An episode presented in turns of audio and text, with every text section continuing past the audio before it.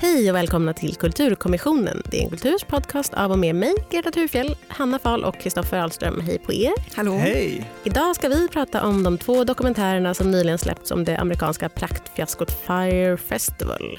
Kristoffer, vad ska du eh, avhandla i dagens podd? Eh, Jag ska prata om hur de här två dokumentärerna påverkar mig så starkt att det manifesterar sig eh, undermedvetet i en dröm jag hade om kvinnor och hästar och att lova mer än man kan hålla.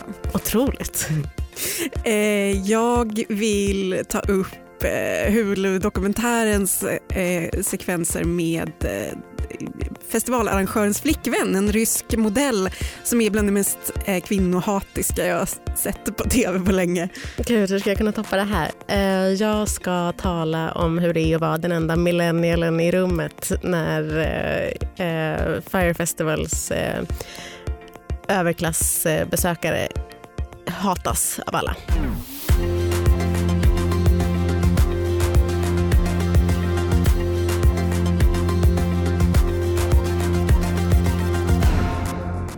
Den 28 april 2017 skulle årtiondets största festival äga rum för första gången.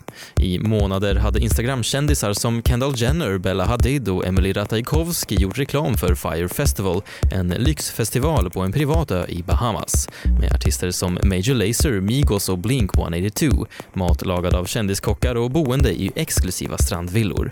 I Netflix-dokumentären Fire, the greatest party that never happened och Hulu-dokumentären Fire Fraud skildras vad som istället skulle komma att bli årtiondets största festivalfiasko.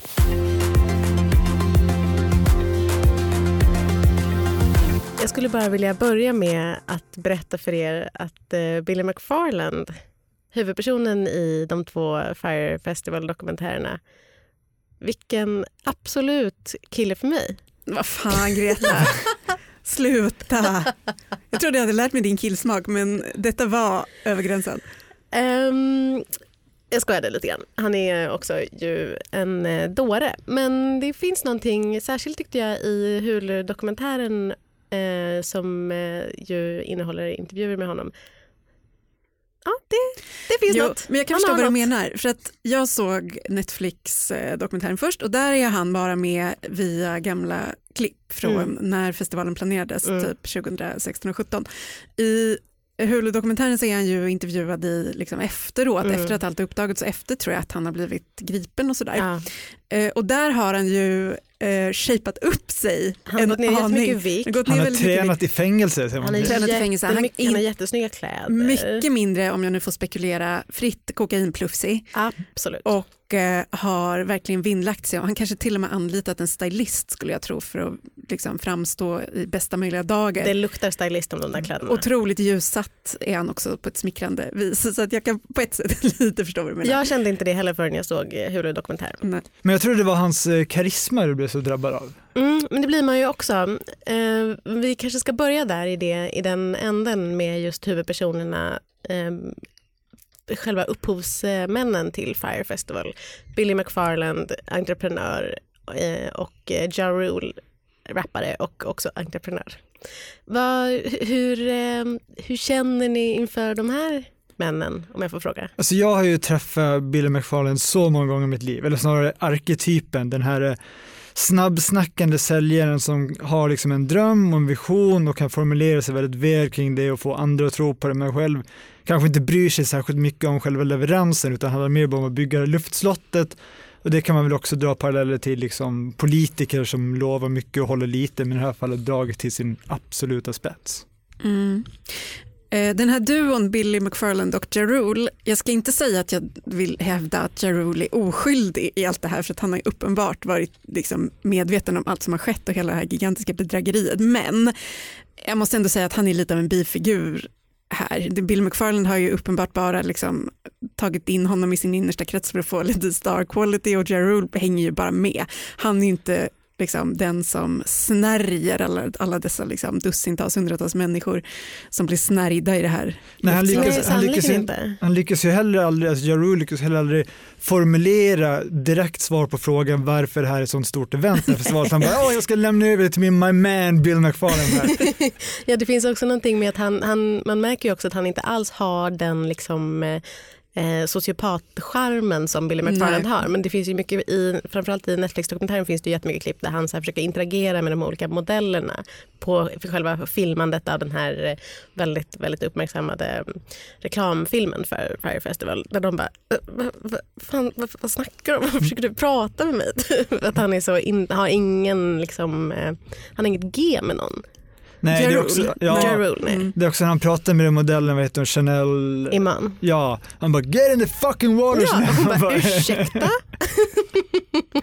Men Billy McFarland å andra sidan, han är ju, alltså absolut Kristoffer, man har ju mött den här arketypen några gånger i sitt liv, men alltså inte dragen till denna otroliga spets. Alltså han är ju väldigt fascinerande och väldigt otäck i sin liksom, totala förmåga att och liksom trollbinda människor. Ja, men många har ju gjort, eller vissa har väl hört göra jämförelse med Trump och det kan jag väl Ja. skriva under på ganska mycket. Jo, precis. Det måste, jo, absolut. att inte ha täckning för någonting men hela tiden lova och sen kunna liksom manipulera investerare och få in liksom startkapital på flera hundratals miljoner utan att kunna liksom visa upp någonting för det. För det är en sak tycker jag hur Billy McFarland lyckas övertyga ja, men de han jobbar med eller så här, folk som ska bidra med olika små delar i den här festivalen och en bandbokare och någon Mm. projektledare. och Så här. Men alla de här investerarna som han bara får. Så, Helt obegripligt. Carola och Ja, gänget. Carola och gänget som han får så fruktansvärt mycket pengar ifrån. De borde veta bättre. Hur, hur är det möjligt att de, att de liksom, tro, liksom luras av det här? Ja, nej, det går faktiskt inte att förstå. Det går faktiskt inte att förstå. Men, men, för det är ju verkligen som du säger inga duvungar som, som ger honom pengar heller. Han är ju väldigt eh, duktig helt enkelt på att få, få fram det han vill ha. Men Fire Festival, eh, själva fenomenet utanför dokumentärerna. När, när hörde ni första gången talas om Fire Festival? Vilket är ert första minne? Det var ju när skiten gick ner som man Ja. brukar säga, det vill säga då våren 2017 när Yes. allt det här hände och det blev liksom en eh, enorm händelse på sociala medier, det var meme efter meme efter meme som liksom även förekommer i dokumentärerna. Det är bland annat då scenen i första Indiana Jones-filmen där han flyr från de eh, liksom, spjutviftande vildarna som klippte in Jaruls ansikte över eh, Indiana Jones när han springer för livet. Eh, allt det där såg man även så här när, när folk roteras över öppen eld, det är väldigt mycket så anspelningar på civilisationens sönderfall. På den här, Flugornas herre. ja, precis, ja. på den här eh, ön i Bahamas. Och det var ju då jag fick höra talas om det och så många andra tror jag så kände jag som tillhör då generationen ovanför de som drabbades, de besökarna på festivalen, av en ja, skadeglädje om man ska vara helt ärlig. För att det var så här, ja, det är väl ändå typiskt de där yngre att de ska gå på de här glättiga löftena om ett härligt kravlöst liv och sen visar den krassa verkligheten var något helt annat. Men jag blev också skadeglad. Alltså det, fanns, det finns ju också en sorts, eh, inte, kanske inte klass, alltså, jo klassaspekt, Jo, men, klass. jo men det är självklart klassaspekt, men jag tänkte, sen kom jag på att jag är i samma klass som de här människorna. Men eh, som bara är att, de, att eh, man, blir, man blir glad när det går dåligt för rika människor.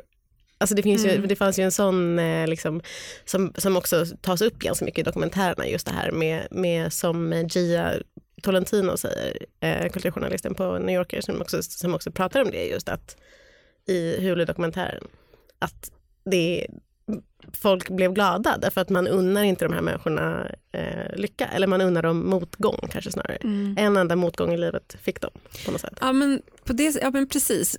Jag tror att jag vill minnas, som jag inte- inte efterhandskonstruerar, att jag hörde talas om Fire Festival ungefär när det var den här när marknadsföringskampanjen där de fick en massa olika Instagram-kändisar att posta bara en orange Mm. ruta. Mm. För den skrevs det ju ganska mycket om också. Så här. Wow, vad är det här? Något sjukt kommer att hända. Det är en festival som jag aldrig hört talas om förut.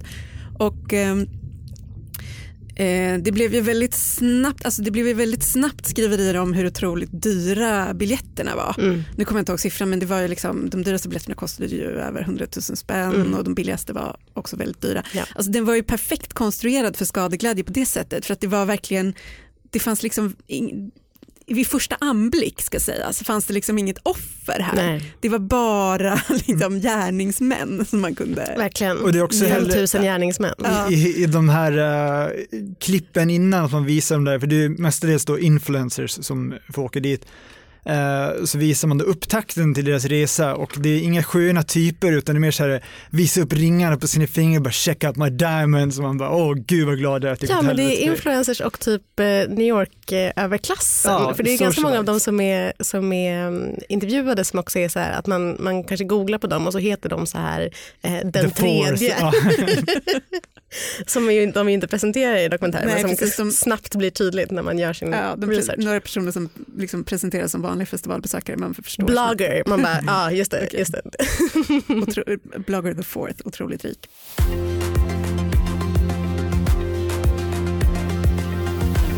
and I literally drove home, took a shower.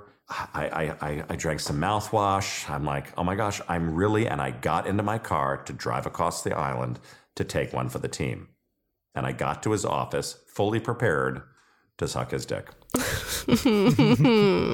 Stackars Andy, någon sorts eh, chefsarrangör för eh, eh, Fire Festival in eh, kopplad i sista sekund som förekommer i Netflix-dokumentären. Ja, det är en lastbils, eh, ett lastbilslass med Evian vattenflaskor som tullen har beslagtagit och kräver liksom, ja, någon slags tullskatt på. Varpå eh, Billy McFarland och ringer den här eh, ja, Andy. ja, arrangör, liksom arrangör eller delvis investerare också jag Mm. förstår det. Och säger bara att enda sättet som vi kan få loss det här på är om du åker dit och suger av till tullinspektören för att du är gay och jag har hört att han är gay. Och han är beredd att göra det. Så till den grad har liksom Billy McFarlane hjärntvättat sina medarbetare. Ja, men det är något som är så fascinerande i hur alla de här medarbetarna och människorna runt Bill McFarland är så villiga att gå med på, det är inte bara, det här är det är liksom tydligaste exemplet, han bara, ah, nej jag får bara bita ihop och typ gurgla med lite munskölj och göra det som, som krävs. Men de är liksom beredda att gå till sådana extremer för att liksom upprätthålla den här visionen. Det är som att ingen vill rasera, ingen vill vara den som säger så här, men hallå det är någonting som inte stämmer här, vi, vi kommer ju inte att kunna arrangera det här. Alla bara drivs till någon sorts vansinne. För, Jo, och, men även det är ju för, framkommer ju också att de som försöker säga det skrattas ju bara bort. ja. Men de här eh, två olika dokumentärerna då, Hulus och Netflix dokumentärer, vilken eh, tycker ni var bäst av de två? Jag tycker Netflix-dokumentären var bäst för att den på ett bättre och mer effektivt sätt tyckte man skildrar liksom konsekvenserna som det här fick. Eh, För att som sagt, när vi fick höra talas om det här och reagerade på det, då tänkte man bara på liksom, ja, men, rik överklass, eh, bortskämda influencers, folk som anser sig ha rätt till den här typen av upplevelser utan motprestation. Men framförallt så drabbar liksom lokalbefolkningen på den här Bahamasön och de, ja, kanske redan fattiga får liksom gå utan lön och arbeta dygnet runt ja, i månader i sträck. Mm. Och det tyckte jag man skiljer mycket bättre i Netflix-dokumentären. Ja, det är ju helt frånvarande i Hulu-dokumentären. Fast jag tyckte inte att de tog upp det så jättemycket i Netflix-dokumentären. Ja, men jag, heller. jag Lite blev väldigt drabbad av det. jag. Ja, men jag kände att jag ville ha mer av det. Ja, Man kände ändå att de som, de som framställdes som så här, de som var de svikna och offren i det här som fick prata mest, det var ju de här liksom, New York-snubbarna, Ja. jävla bandbokare i 22-årsåldern som man bara, ja men boohoo stackars Mm. lilla dig, världens minsta fiol spelar för dig. Men jag håller med om att Net- Netflix var mer, mer sevärd. Uh, Hulus var ju, hade ju å andra sidan då Bill McFarland-intervju, det hade ju inte Netflix, men, alltså, men mest fascinerande tycker jag är att båda dokumentär, alltså hela histori- kring, historien kring båda dokumentärerna är som en fortsättning på hela, Mm. hela Fire Festival-debaclet. För att båda dokumentärerna är ju typ korrupta och att de ska Kan du inte kom- berätta, på vilket sätt de båda... Ja, men för det första liksom- så kom de ju samtidigt, de var ju, tävlade ju med varandra om att kommit först. Vad- Hur var det nu, Hulus kom först? Netflix kom eh, fyra dagar efter Hulu-dokumentären Ja, i början av januari. och eh, i Hulu-dokumentären så, så här, ger de en känga åt Netflix-dokumentären i slutet för att den är samproducerad med Jerry Media som var PR-bolaget som låg bakom hela den här influencer-kampanjen Mm. för att marknadsföra Fire. Mm. Eh, men Hulu-dokumentären å sin sida har ju betalt Netflix har ju å andra sidan, producenterna där har ju slängts med någon otrolig summa, jag minns inte det, men många, många, många, 22 miljoner eller något sånt där, Mm. som Hulu ska ha betalat Bill McFarland för den där menlösa intervjun där han bara sitter och är vackert ljussatt. Den är inte menlös den där intervjun. Ja, jag vet inte, men det är som att båda, det är bara som ett självklart är den här historien så liksom, lockande och tilldragande att det görs flera dokumentärer om den. Självklart tävlar de med varandra och självklart är dokumentärerna också liksom, köpta och så här late stage capitalism i sin essens. Ja men verkligen, verkligen. De är ju liksom, de är också påfallande lika varandra. Det finns många saker som, som eh, skiljer dem åt, till exempel då att den ena har fått en intervju med Billy McFarland och Billy McFarlands eh, tjej. Men, eh, men jag bara tänkte på en sån sak som att båda slutar med att Billy McFarland ringer till ett Eh, till en intervjuad. I huvuddokumentären är det Billy McFarlands eh, flickvän och i den andra så är det en av dem eh, som bor på ön som har hjälpt till och varit en sorts chef och organisatör på ön. Vad, är det, tror, har det läckt ut liksom, mellan de olika? Eller hur tror ni att de har liksom, hur mycket har, har de jobbat för att vara den, bäst, alltså den, den bättre dokumentären? Hur, liksom, vilka olika vägar har de valt för att vara liksom, den, den mest omslutande det bilden av Fire Festival? Hulu-dokumentären hade väl en ambition att liksom ge det här en samhällelig kontext och prata om influencerekonomin och de ägnar väldigt lång tid att förklara liksom varför det här fungerar så, fungerar så bra just på millennialgenerationen, mm. varför de är så mottagliga för just starka extrema upplevelser för de har vuxit upp i en tid efter 9-11 och så vidare. Just den kände jag bara att det liksom, det blir lite lång startsträcka. Jag tyckte att Netflix-dokumentär var mycket mer ja, disciplinerad, gick rakt på sak och, och liksom, ja, mer effektivt berättad. Och sen vet jag inte, vad gav det egentligen att Billy McFarlane satte svar på? En, en liksom notorisk mytoman vad, som fick ja, svära sig fri från ansvar mer eller mindre. Men alla älskar ju att se en notorisk mytoman svära sig fri från ansvar. Alltså det är ju, är ju en del av liksom sagan att han fortfarande, eller på mig i alla fall, funger, att det funkade.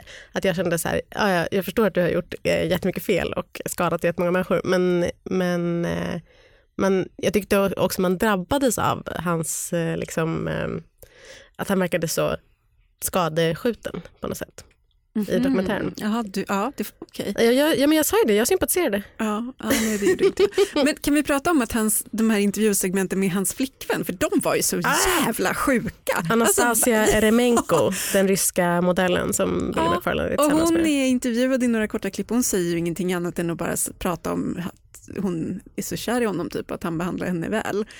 Men de är ju med, de är så otroligt hånfulla La, eller jag de Nej, alltså var så är sjuka. Kvinnohat. Ja, För det är samtidigt ja. då en, en uh, psykolog intervjuad som får berätta då om så här, hur en uh, con artist funkar. Korsklippt med hennes prat om så här, Gud jag älskar honom så mycket, han har sagt det här till mig och det här till mig. Um, och jag förstår varför det blev som det blev. Så sitter hon och säger så här, den säger alltid att... Uh, den kan den, se in i din själ vad du saknar. Den har alltid förklaringar till allting, minsta lilla grej. Men det är så sjukt att det är henne de ska korsklippa den där psykologen med och inte alla de här investerarna och bandbokarna. Nej, inte intervjuerna med honom kanske. det är hon som ska framställas som den korkade som har gått på liksom, en stor bluff. När, mm. liksom, äh, jag vet inte, mm. det var så Med en rysk modell. Alltså, ja, det är jag som eh, är en stor för...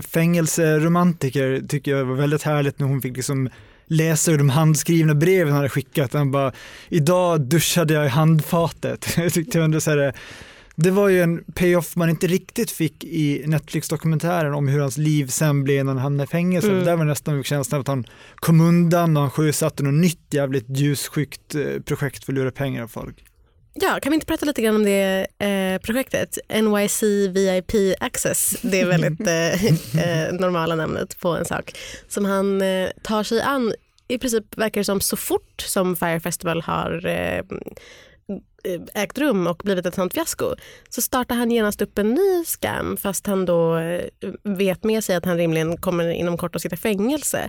Vad är det, vad, vad, vad fan är det som pågår? Alltså, hur är det fatt? Vad, vad är det som han verkar ju drivas av någon sorts, han verkar ju vara beroende av att liksom ha någon i sin närhet som han kan manipulera. Liksom. För i de där scenerna där man liksom får reda på hans nästa scamprojekt, mm. då är det som att han har hittat en ny ung semi-hip New York-kille som han liksom Som går runt i en Linder. Fire Festival hoodie Ja, dessutom. som man liksom kan linda runt sitt lillfinger och manipulera. Det verkar ju vara den liksom, dynamiken att han behöver en slav på något vis. Eller någon Som den här han kan... Grant som man har Mm, först då i, mm, i. Fire. Alltså tror ni inte det? Att det är det som är hans psykologiska drivkraft på något sätt, att han får någon sorts pervers njutning av att, att liksom, Ja, men, men jag kan ju också se det rent praktiska syftet, precis som då hans första eh, entreprenörsprojekt, där, Magnisi, som skulle vara ett VIP-kort som gav liksom tillgång till bland Ett annat hemgjort American Express-kort. Ja, som skulle ge tillgång till liksom svåråtkomliga biljetter på Hamilton och Beyoncé-konserter och så vidare.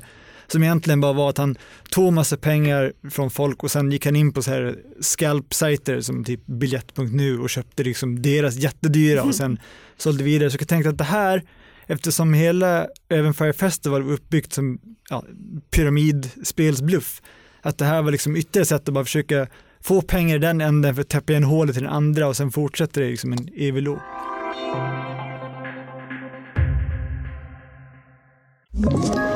Ett poddtips från Podplay. I fallen jag aldrig glömmer djupdyker Hasse Aro i arbetet bakom några av Sveriges mest uppseendeväckande brottsutredningar. Går vi in med hemlig telefonavlyssning och, och då upplever vi att vi får en total förändring av hans beteende. Vad är det som händer nu? Vem är det som läcker? Och så säger han att jag är kriminell, jag har varit kriminell i hela mitt liv men att mörda ett barn, där går min gräns. Nya säsongen av Fallen jag aldrig glömmer på Podplay. is to living like movie stars, partying like rock stars. Billy. And fucking like a car star. Jag mår så bra. God stämning. Jag mår så bra varje gång jag hör det här eh, klippet eller ser det här eh, videoklippet. Det är en otrolig skål. Eh, jag ska ta till mig den. Men jag tänker också att den är ganska symptomatisk för hur man tänker på just det vi pratat om med, med millennials. Sälja drömmen om det liksom perfekta, den perfekta tillvaron. Att det bara Alltså, är... rätta mig om jag har fel, men den här scenen var väl med i båda dokumentärerna? Ja. Eh, Eh, och det, finns, det är ju också olika klipp på när han säger det så att man förstår att det här är något som de har sagt gång på gång på gång och ändå skrattar de här killarna som sitter med lika mycket varje gång för det är så härligt. Ehm, ja, men den här är från ehm, eh, Netflix-dokumentären också där Ja Rule utbringar en skål. Hade, nu är inte just Ja Rule millennial om man säger så, men hade Fire Festival kunnat hända i någon annan generation än millennial-generationen? Bra fråga. Alltså det, festivaler i sig, i hur de utformar det, riktar sig mot en ung publik. Eh, För det är den typen av upplevelser som unga gillar. Själv har jag så här, förflyttat mig från att stå kanske längst fram publiken till att sen stå vid mixerbordet för där är bäst ljud och nu sitter jag helst i restauranger och kan titta på därifrån så jag, är aldrig, jag är inte längre lockad. Du är inte ens 40 år gammal. Nej, men jag är inte längre Var ska det lockad. sluta? Jag får så ont i ryggen att stå länge för konserter. Mm. Eh, så att, eh, men samtidigt är det inte millennials per se utan det är folk med mycket pengar snarare som lockas av den här festivalen och livsstilen och drömmen. som- Societeten. Liksom. Precis, för att de pratar mycket så här, ja det är tillfället för ja, den vanliga amerikanen att få uppleva det livet. Ja, men biljetterna kostar hundratusentals kronor. Det är liksom inget som skulle locka ja, en vanlig average Joe. Nej, men samtidigt så säger de ju någon gång att så här, eh, det är någon som säger, tror jag, i hela dokumentären att så här, eh, jag fick höra från folk som hade sålt hus och hem, folk som hade pantsatt hela sin tillvaro. Det kan inte vara sant, det kan inte stämma. Men om det var så, är finns det liksom inte en, är någonting i det som också är jag vet inte, jag bara tänker på så här, eh, gamla tiders festivaler. Typ, eh, de tar ju upp eh, Woodstock i båda dokumentärerna Mm. också som någonting liknande. Vilket det ju säkert på många sätt och vis var. Förutom att Woodstock kanske då inte var för societeten Nej, jag tänkte Woodstock var ju snarare det motsatta. Det var verkligen, så här, verkligen inkluderande, Anarki, gränslös kärlek, ja, utsuddandet av klassgränser i någon mån. Så det är lite dumt att jämföra. Däremot så läste jag om det var i Slate där de kallar det för att millenniegenerationen har fått sin Gimme Shelter-dokumentär som då handlar om den här gratisfestivalen Altamont som slutar med att Rolling Stones hade anlitat Hells Angels som livvakter och någon hoppade ut i publiken och började slå ihjäl folk med liksom avsågade biljardköer. Hanna, Eh, det är verkligen en liten rockfarbror vi har tagit med oss Ja. in i studion idag. Så otroligt mysigt. Men, jo, men det är sant, alltså, det finns ju, jag kan förstå det här, den här sekvensen i Netflix-dokumentären när någon jämför med Woodstock, att alltså, det finns ju vissa likheter som är så här, den var ju också kaos på det alltså, jag menar, Det var ingenting som funkade där heller, det var inte som att det fanns så här prydliga bajamajor till alla. Och, Men det är ingen så som kallar den för ett fiasko. Nej, men det är, ju för att den, det är ju för att den inte utgav sig för att vara det som Färgfestivalen utgav sig för, för att vara. Och jag förstår, det är ju, är ju otroligt, alltså det, man, det går ju inte att undvika att dra liksom, parallellen till eh, influencerkulturens uppmålande av en yta som alla på något plan vet inte existerar men som man ändå tar in som en sorts så här, man, version av sanning på något Mm. vis. Hela Färgfestivalen är ju som ett så här stageat Instagram-foto på en strand fast liksom Mm, gånger en miljon. Mm. Så. Men Men Greta, är ju- du som faktiskt tillhör den här generationen då. När, om du skulle ha sett den här reklamfilmen med liksom heta supermodeller på jetskis som simmar med grisar, hade du känt så här, oh det där är ju del av det livet jag vill ha? Ja, absolut. Eh, Jag tycker det ser jättemysigt ut men jag tänker mig, jag hoppas åtminstone att jag hade tänkt så här, hmm, det kommer nog inte vara exakt så. Jag kommer nog inte också få simma med grisar och Elsa Hosk. Men det... men eh, det... Ja, nej, alltså jag funderade verkligen på det här, så här hmm, hade man gått på det? Ja, fast man, det är väl på samma sätt som man går på Coachella eller går på Burning Man som de också tar upp jättemycket. Det, man vet att det inte kommer vara exakt så. Men man kanske inte föreställer sig att det skulle vara just så jävla uselt som det blev. Man kan väl, man kan väl köpa någonstans däremellan. Way Out West har ju också någon typ av liknande. Liksom. Jo, fast Så. skillnaden är ju ändå att löftet med Fire Festival var ju så Mm. i grund och botten vidrigt. Eller? Mm. Du, tycker, du kanske inte, du som millennial Greta kanske inte Mm. tycker att det var vidrigt, men jag tycker att det är vidrigt. Det är någon sorts så i grund och botten osympatisk premiss för hela Vad är det som är så osympatiskt? Eh, att den är liksom caterad för de rika och vackra, andra gör sig icke besvär. Eh, den är, den är- tycker känns genomsyrad av ondska istället Ja. för Ja, något men jag, härligt. jag kände verkligen så här, jag, när jag såg den där reklamfilmen och försökte sätta in mig själv i liksom den tankebanan så var det snarare så här att oh, det här säger ingenting till mig om mitt liv, det här, det här har inte jag rätt till. Så jag kände verkligen raka motsatsen, jag skulle aldrig åka på. Däremot så hände en märklig sak när jag såg den här dokumentären och man får följa arbetet med liksom ett, ett projekt som är mycket större än vad någon av dem kan hantera och liksom den ångesten som uppstår när man ser man ute på tunn is eller tagit sig vatten över huvudet eller vilken metafor ni vill, eh, som måste ha planterat sig i mitt undermedvetna för jag fick en jättekonstig dröm eh, natten därpå. Det var då, det ska till protokollet föras att jag är lyckligt förlovad sedan eh, sex år tillbaka, men jag drömde att jag och min kompis skulle på dubbeldejt med två tjejer och hade lovat dem så här, men vi fick se hästar, ni ska få rida. Och 20 minuter innan dejten säger jag till min kompis, men vart får vi tag på hästar? Vi- Vi kan inte rida någon av oss. Och han sa, äh, vi tar med en påse bullar istället. Och nu inser jag att det måste vara det drömmen handlar om, den här känslan av att vad fan har jag gett mig in på, jag kommer aldrig kunna föra det här mål. Jag är så nyfiken på vem av dig och din kompis som är Ja Rule och vem som är Billy McFarlane. Jag var mer Ja Rule i det här fallet då får jag säga. Ta med en påse bullar. Mm.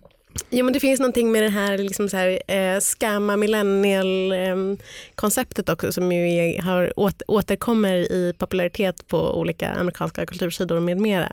Du har ju också varit int- väldigt intresserad av Anna Delvey till exempel, Hanna, Mm, den mm. eh, societe- fejkade societetstjejen som liksom nästlade sig in Ja. i New Yorks kulturelit. Hon lyckades ju också, inte på den här nivån, men på en viss nivå liksom skamma sig till investerares eh, pengar för att hon ville öppna ett art center i New York. Otroligt fascinerande historia. Men, och sen finns det ju hipstergriften också. Ja. Som ju var, fast det var på en lägre nivå, det var en tjej som typ, hur var det? Hon ljög sig till ett jobb på vad var? Vice, tror Vice tror jag, eller Buzzfeed, ja, nej, Ja. någon, någon så här. Eh, och eh, skammade olika, dejtade så här killar under förevändningen att hon skulle skriva ett, ett eh, reportage om skägg och Gud, stal deras plånböcker och sånt. Också otroligt stor. Nej, de är, det är ju fascinerande med folk som, som ljuger sig igenom Men jag tycker det är väldigt talande att eh, sista repliken tror jag det är i, i Hulu-dokumentären, det är väl Billy McFarlane som säger också så här att det har aldrig varit lättare i USA än just nu i USA att vara skurk. Och det finns ju någonting så här att allting är så jävla hopplöst. Man pratar nu om att ekonomin är på väg åt helvete, Trump president, man behöver bara någon, man tror på vilka sagor som helst nästan bara för att det liksom ska bli lite mer upplivat. Det bara kommer någon med hopp. Det bara Ja. kommer en Anna Delvey och säger så här, hallå jag har en, en grej på gång. En rolig grej. Eh, Jag är från Tyskland. Jag är tysk prinsessa. Håll tyst och ta mina pengar! Men det som är eh, tråkigt då är ju att eh, både Anna Delvey och eh, Billy McFarland till slut får sina straff. Billy McFarland ska sitta sex år i fängelse. Anna Delvey ska ställas inför rätta nu i februari. Anna Delvey som för övrigt skammade sig till boende i Billy McFarlands eh, loft i New York i typ flera månaders tid under sin pågående skamturné. Nej. Jo, jo, Jag visste jo, inte jo. om den här kopplingen. heller. Eh, källa internet, men jag läste det absolut igår. Eh, det är väldigt eh, intressant. De sammanstrålar. Men jag undrar då Tror ni de har? om de har. Till varje avsnitt så ber jag ju er att ta med er den bästa mening som ni har läst eller hört i veckan. Det kan vara något från en roman, eller från en podd, eller från Twitter eller från något som ni typ har hört på bussen. Kristoffer, du sitter och bläddrar i din bok bläddrar, där. nu hittar jag äntligen. Ja, ja jag har med mig eh, Alice Smiths eh, senaste bok på svenska, den skotska författaren, en av mina favoritförfattare. Hon håller på nu med en eh, kvartett romaner som baseras på olika årstider. Höst kom ju då i eh, förra hösten. Eh, handlar om eh, livet efter Brexit och inleds med en lång parafras på Charles Dickens Två städer. Och även Vinter börjar med en eh, Dickens parafras ur en julsaga och jag tycker att det finns ingen skriver inledningar som hon, även om hon då har småsamplat lite från eh, Dickens. Men eh, jag tänkte jag ska läsa ett, eh, ett stycke hur den här boken börjar då. Gud var död för att börja från början och romantiken var död, höviskheten var död, poesin, romanen, måleriet, de var alla döda och konsten var död.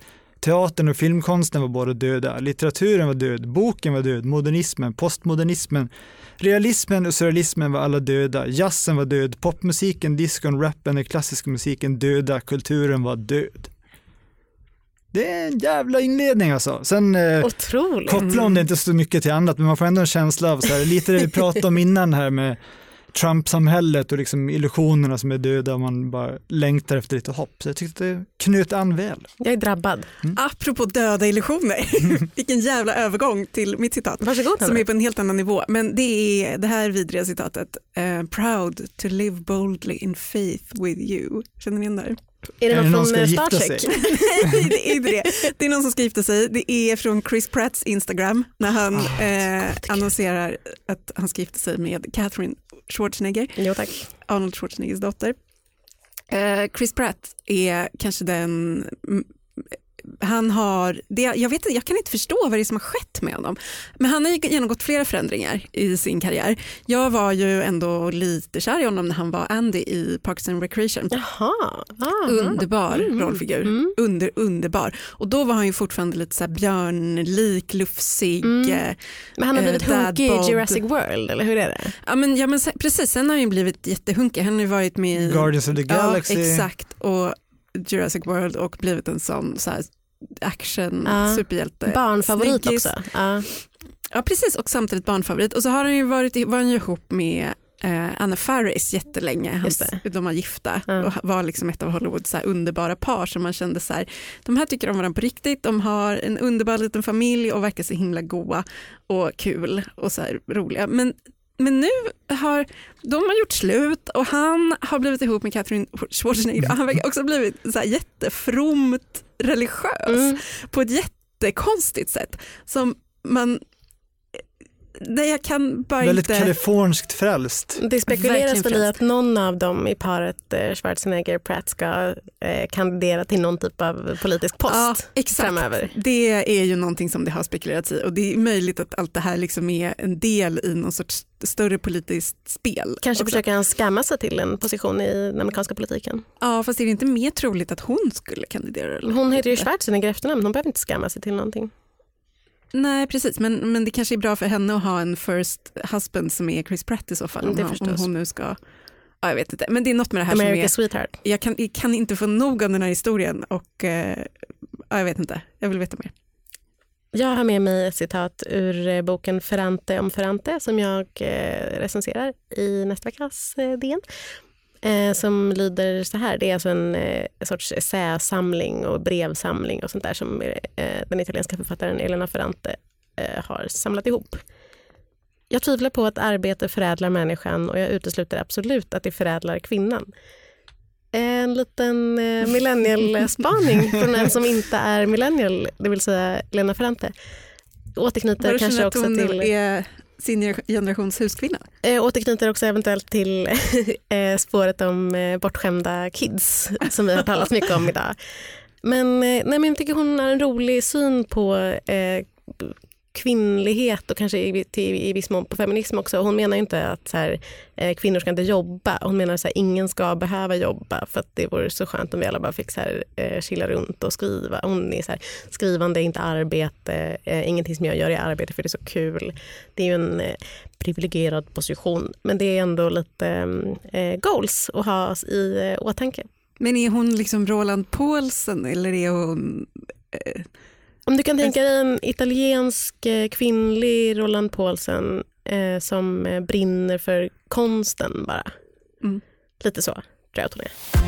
Med det säger Kulturkommissionen tack och hej för den här gången. Vi är ett samarbete mellan Bauer Media och Dagens Nyheter och vi heter Greta Thurfjell, Hanna Fahl och Kristoffer Ahlström. Tekniker var Oliver Bergman. Hej då! Hej då!